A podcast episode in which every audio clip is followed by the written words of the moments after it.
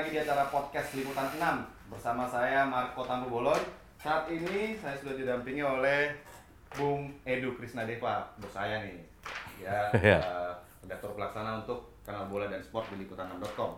Nah, hari ini kita mau bahas apa nih Bang Edu? Topiknya Iya, iya, sensitif. Lagi rame ya. Lagi rame. Soal ini apa namanya? Eh, penghentian audisi PB Jarum ya. Ada jarum ya, pe- apa, audisi untuk bulu tangkis. ya, Ah, untuk Cari umum, di untuk anak-anak muda ya, apa? eh, pemain-pemain muda ya.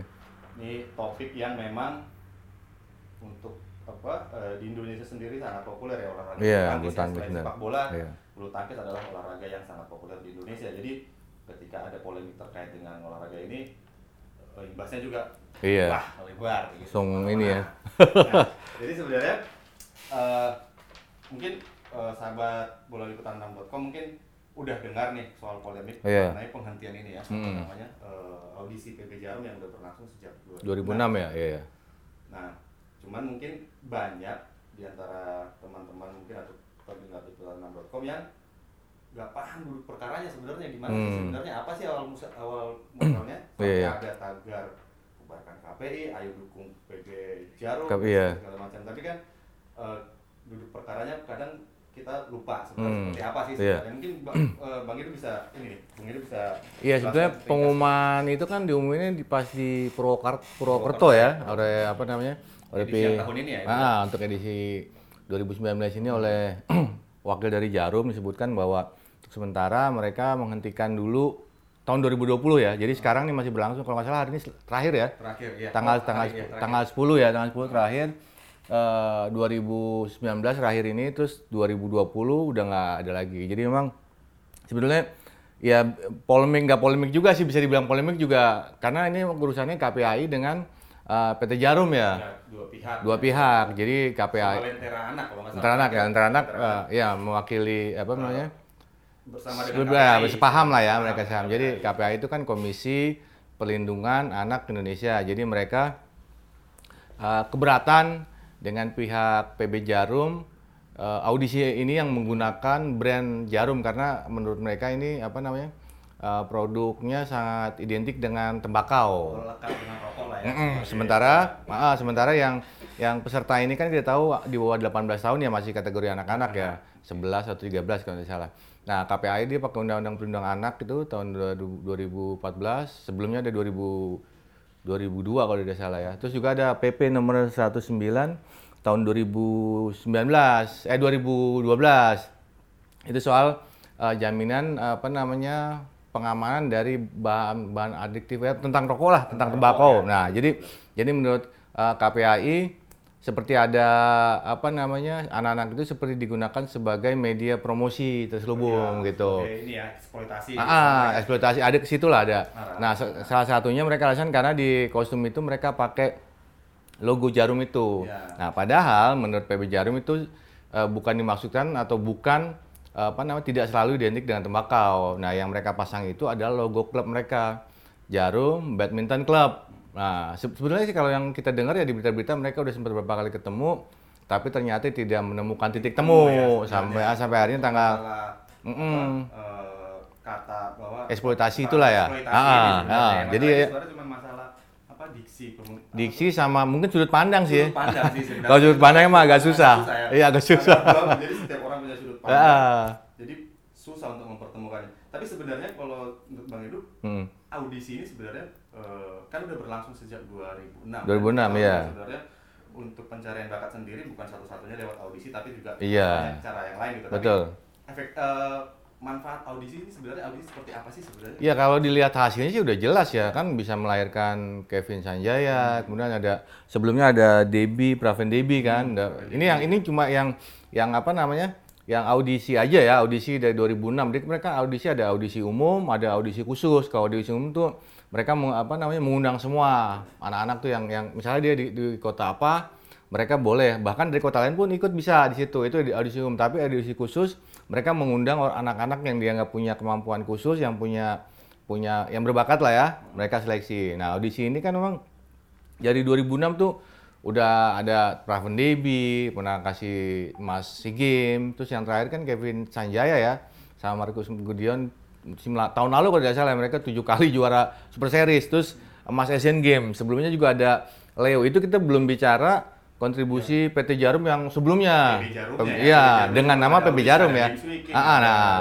eh, banyak apa, Banyak. eh, Swi- Lim Ardi Iya, legenda-legenda. itu. Artinya memang, ya artinya memang kalau kalau kita mau apa lihat kondisi seperti itu, PB Jarum sendiri sebenarnya udah identik dengan bulu tangkis gitu Ya, loh. ya. Dan dari dari apa namanya dari yang kita tahu sekarang nih pemain-pemain ada Isan Maulana juga jebolan itu juga audisi juga. Sebenarnya PB Jarum ini bukan kali ini aja bergerak untuk eh, apa eh, mencari bakat. tapi sebenarnya PB Jarum udah ada sejak puluhan tahun. Iya, ya. dia kalau nggak salah diri tahun 69 ya. 69 ya, 69. tahun 69 tapi format mereka mencari dengan audisi, Audisi itu baru 2006, betul. Nah, ini yang akhirnya memicu eh, apa eh, silang pendapat lah kalau Iya, dikatakan betul. bahwa dari ribuan 23 ribu kalau menurut Lentera Anak Hmm. sebenarnya 23 ribu peserta itu hanya 0,01 persen yang dapat beasiswa Hmm. dari sudut pandang ini mereka menganggapnya sebagai sebuah eksploitasi Hmm. terhadap eh, anak-anak karena mencantumkan eh, Logo. di, Iya, di betul. dalam, eh, apa di baju anak-anak tersebut. Iya. Nah sebenarnya ini juga udah dibantah bang itu sebenarnya Iya. sama oleh oleh pihak jarum sendiri. Betul. Nah, oleh eh, pihak Jarum mengatakan bahwa sebenarnya bukan produk yang ada Iya, di, betul. di baju Ya, yang tadi gua bilang itu, ya, logo-logo tim dia. logo PB Jarum. Ah, ah, makanya makanya nggak bisa bisa. Jadi gini loh, harus maksudnya perse- tadi kita bilang kan soalnya sudut pandangnya kan berbeda. Berbeda. Satu sisi eh, A, satu sisi B, jadi agak susah. Nah, kalau misalnya itu memang logo PB Jarum, artinya itu kan tadi balik lagi PB Jarum udah sangat lama ya 69. Terus melahirkan eh, pemain-pemain besar, legenda malah Lim Swee King, Susanti juga di situ, Butet, Tontowi, pemain yang yang sudah sangat di luar kepala kita kalau kita bicara bulu tangkis Indonesia gitu. Ya, nah ya, jadi ya.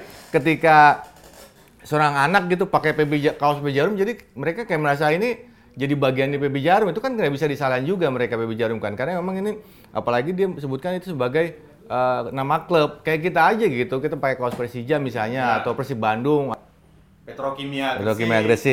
itu kan produk tapi Iya. kan sebenarnya udah identik, ya Identik, identik ya. dengan bo- ya kalau di luar negeri juga kan kita tahu Semen misalnya. Padang, ah gitu, iya. udah istilahnya identik. Nah itu kan makanya itu kembali lagi kepada sudut pandang itu. Maka itu eh, yang sangat disesalkan oleh ya kita juga wartawan juga media apa namanya pencinta bulu tangkis ya kenapa harus berhenti gitu kan? Masih Ya. banyak cara yang bisa di ini gitu ya, jadi sebenarnya kalau kalau kalau boleh bicara sudut pandang kalau sudut pandang sebenarnya semuanya ini adalah terkait dengan kebaikan anak sebenarnya. Ya, iya, betul, betul, betul, setuju, anak setuju, setuju, ya. KPAI sendiri Iya. berharap bahwa jangan sampai anak ini terpapar oleh rokok. Iya, Ya kan? betul. Sebenarnya kan sudut pandangnya itu. Iya. Bahwa angka perokok anak di Indonesia itu terus meningkat setiap Hmm. tahunnya. Oh tinggi ya, Tinggi. iya iya. Oke, kita mau lihat data. Oh kita jalan ke mana? Jalan ke mau pulang aja lihat Iya, iya, anak iya. SMP, Iya. Samsut, pasbus, pasbus ya kan. Prihatin juga tuh. Udah, nah, sebenarnya kan sudut pandangnya bahwa semuanya sebenarnya kalau kita mau mau ambil ininya ya apa Hmm. sisi positif bahwa semuanya sebenarnya berperhatian terhadap anak. Betul. betul. KPI perhatian terhadap jangan sampai anak terpapar eksploitasi ataupun terpapar berdekatan dengan yang namanya rokok. Ya, Karena rokok betul. kan, eh, dalam artian dari segi kesehatan kan nggak Ya, betul. Nah sementara PB Jarum sendiri sebenarnya berkontribusi untuk Negara. merajut mimpi anak-anak. Iya, ya kan? betul, betul. Berajut mimpi anak-anak Iya. untuk menjadi seorang pebulu Iya betul. Sebenarnya- Makanya yang yang yang kecewa tuh bukan cuma penggemar olahraga, tapi juga Iya. orang tua orang tua yang Orang tua. punya sebenarnya- anak bakat bakat Nah. bulu tangkis itu sayang banget Jadi gitu. memang memang ya duduk bersama sih lebih baik. Ya, Kalau betul. sebenarnya langkah ekstrimnya sebenarnya kan ini kan karena terkait dengan ini menganggap ini eksploitasi ini enggak harusnya kan diujinya lewat undang-undang gitu loh. Iya, Kalau betul. memang mau mau saklek, oke Iya. kita ke hukum dah biar tahu Iya. ini benar nggak nih gue eksploitasi atau enggak karena Iya. KPI sendiri katanya dia juga nggak berhak untuk membubarkan Oh iya, ini, betul. membubarkan acaranya Iya. karena itu kan ranahnya pemerintah, Iya. mereka hanya himbauan dan segala macam. Betul.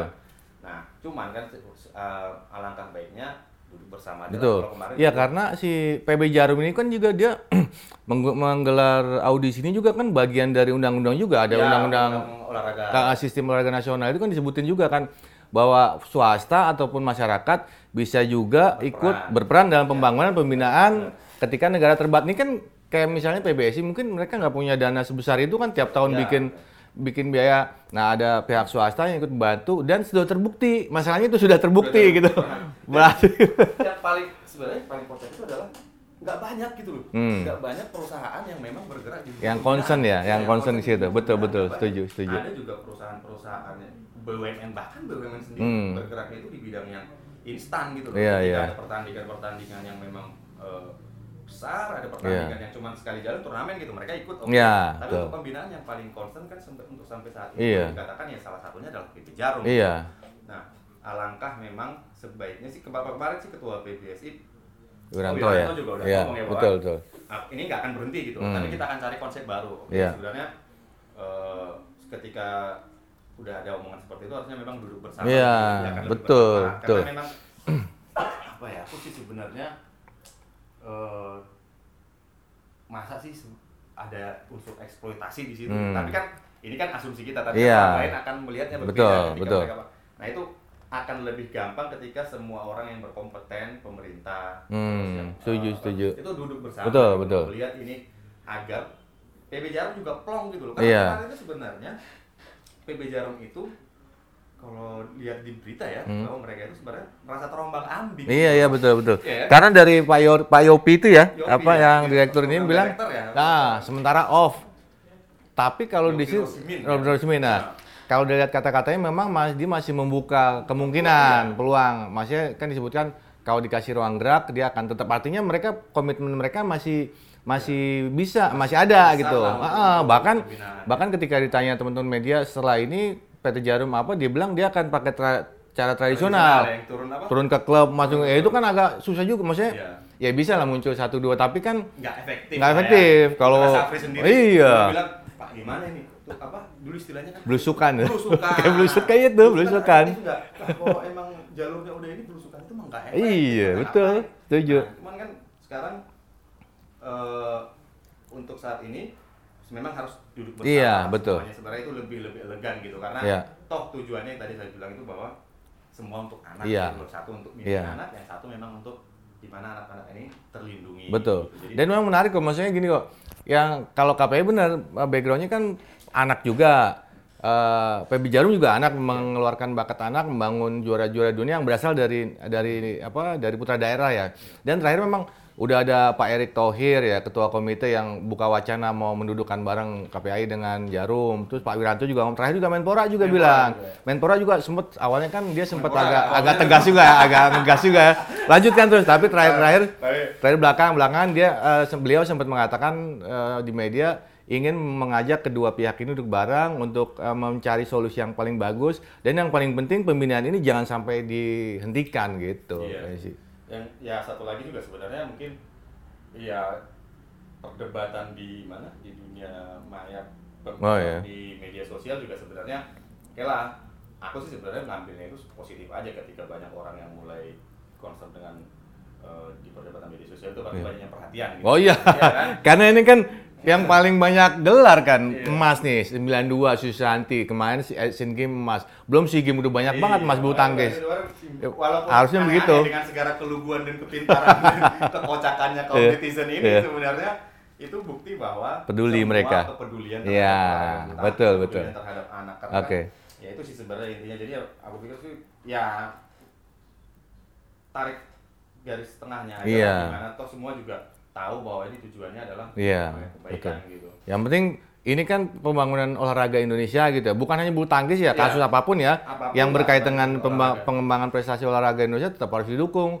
Ter- terutama kasus ini ya duduk bareng, cari solusi yang bagus. Ah, jangan sampai pembinaan olahraga yang memang sangat menjanjikan bagi Indonesia ini terhenti atau terganggu. Terhenti mungkin enggak ya, mungkin nanti ada banyak aksi-aksi lain untuk memberikan sumbangsi. Tapi terganggu itu loh maksud gua. Jadi eh, bakat-bakat yang ada tetap bisa terjangkau. Kemudian kita setiap tahunnya tetap bisa berharap akan ada juara dunia lagi yang gitu-gitu Ya, lah. Pokoknya jangan sampai terhenti karena Iya. memang udah terbukti gitu loh Betul. bahwa pembinaan dari PB Bawah. Juga Iya. sebenarnya udah ada buktinya, udah ada juaranya, udah Iya. ada bibit yang muncul dan Betul. sebagai Susanti bilang mereka akan kesulitan juga kalau ini ini apa eh, apa audisinya dihentikan sulit dapat bibit untuk pelatnas. Iya, gitu. betul, betul. Ya, cuman ya yang perlu apa jangan dilupakan lagi bahwa ya anak juga harus Iya. dilindungin. Iya, Itu setuju itu, sebenarnya sih. setuju. Oke, oke. Nah, terakhir nih.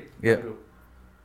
ke depan agar nggak terulang lagi sebenarnya enaknya gimana sih sebenarnya? Iya. Karena kan ya kasihan juga sih orang udah capek-capek Iya. membina, terus di kayak dilepehin kayak gitu. di kayak di nyinyirin gitu loh. Iya, iya, Kalau orang netizen bilang kan dinyinyirin banget sih. Udah lama ngebantu, keluarin duit banyak ya Iya. kan. Terus ngeluarin apa tenaga pikiran kan mereka juga dikelola oleh oleh sebuah klub yang sebenarnya sebenarnya nggak nggak ngurusin apa istilah kalau mau egois ya ini kan sebenarnya klub gua aja gitu tapi mereka berikan itu untuk negara juga Semua, untuk pelatnas iya banyak yang main pelatnas ya menurut gua sih sebetulnya undang-undang kan udah ada semua ya. Kayak soal KPA itu pasti jelas dia patokannya undang-undang perlindungan anak ya 2014 ya undang-undang sebelumnya undang-undang eh, 2002 dan salah terus diperbarui. 2014 ya. 2014 terakhir. Termasuk juga tuh pembentukan KP KPI. Jadi KPI juga lembaga resmi kan dibentuk berdasarkan undang-undang gitu kan. Iya. Nah, jadi memang resmi terus dari olahraga nasional, olahraga juga ada sistem olahraga nasional. Jadi memang uh, perlu di ini sih menurut gue sih lebih ke apa masing-masing saling um, apa namanya batasnya masing-masing gitu Ya, loh. Jadi jangan sampai melewati emang bukan wilayah dia. melangkah ke koridor yang lain. Ya, jadi Sesuai fokus Iya, kemampuan ya. dia dan memang wewenang dia. Ah, wewenang dia. Gue rasa itu sih. Karena nanti kasus-kasus seperti ini juga bukan maksudnya bukan kasus seperti ini aja yang bisa terjadi karena simpang siur misalnya soal apa pemilihan ketua federasi yang kaitan olahraga ya. Ya, ya. Terus apa namanya masalah kontrak pemain juga itu kan juga sebenarnya udah ada undang-undangnya walaupun mungkin kalau bisa di breakdown lagi mungkin masih perlu peraturan-peraturan yang untuk memperjelas detail ya lebih ya, detail. lebih mungkin itu sih. ya Iya. Iya. Baik, memang eh, ya polemik soal PB apa PB Jarum dan juga KPI ya? ini sebenarnya ya masih akan terus bergulir ya karena akan dibicarakan lagi. Dan kita berharap sih semua insan olahraga di Indonesia Yang terbaik ya. bulu tangkis ya eh, ini dapat jalan yang terbaik lah karena Iya. program pembinaan juga harus tetap berjalan agar Setuju, setuju. eh, prestasi di Indonesia, prestasi bulu tangkis bisa terjaga dan meningkat lagi ya. Amin, amin, amin. kemudian hari. Iya. Nah, demikian eh, podcast liputan 6 kita hari ini.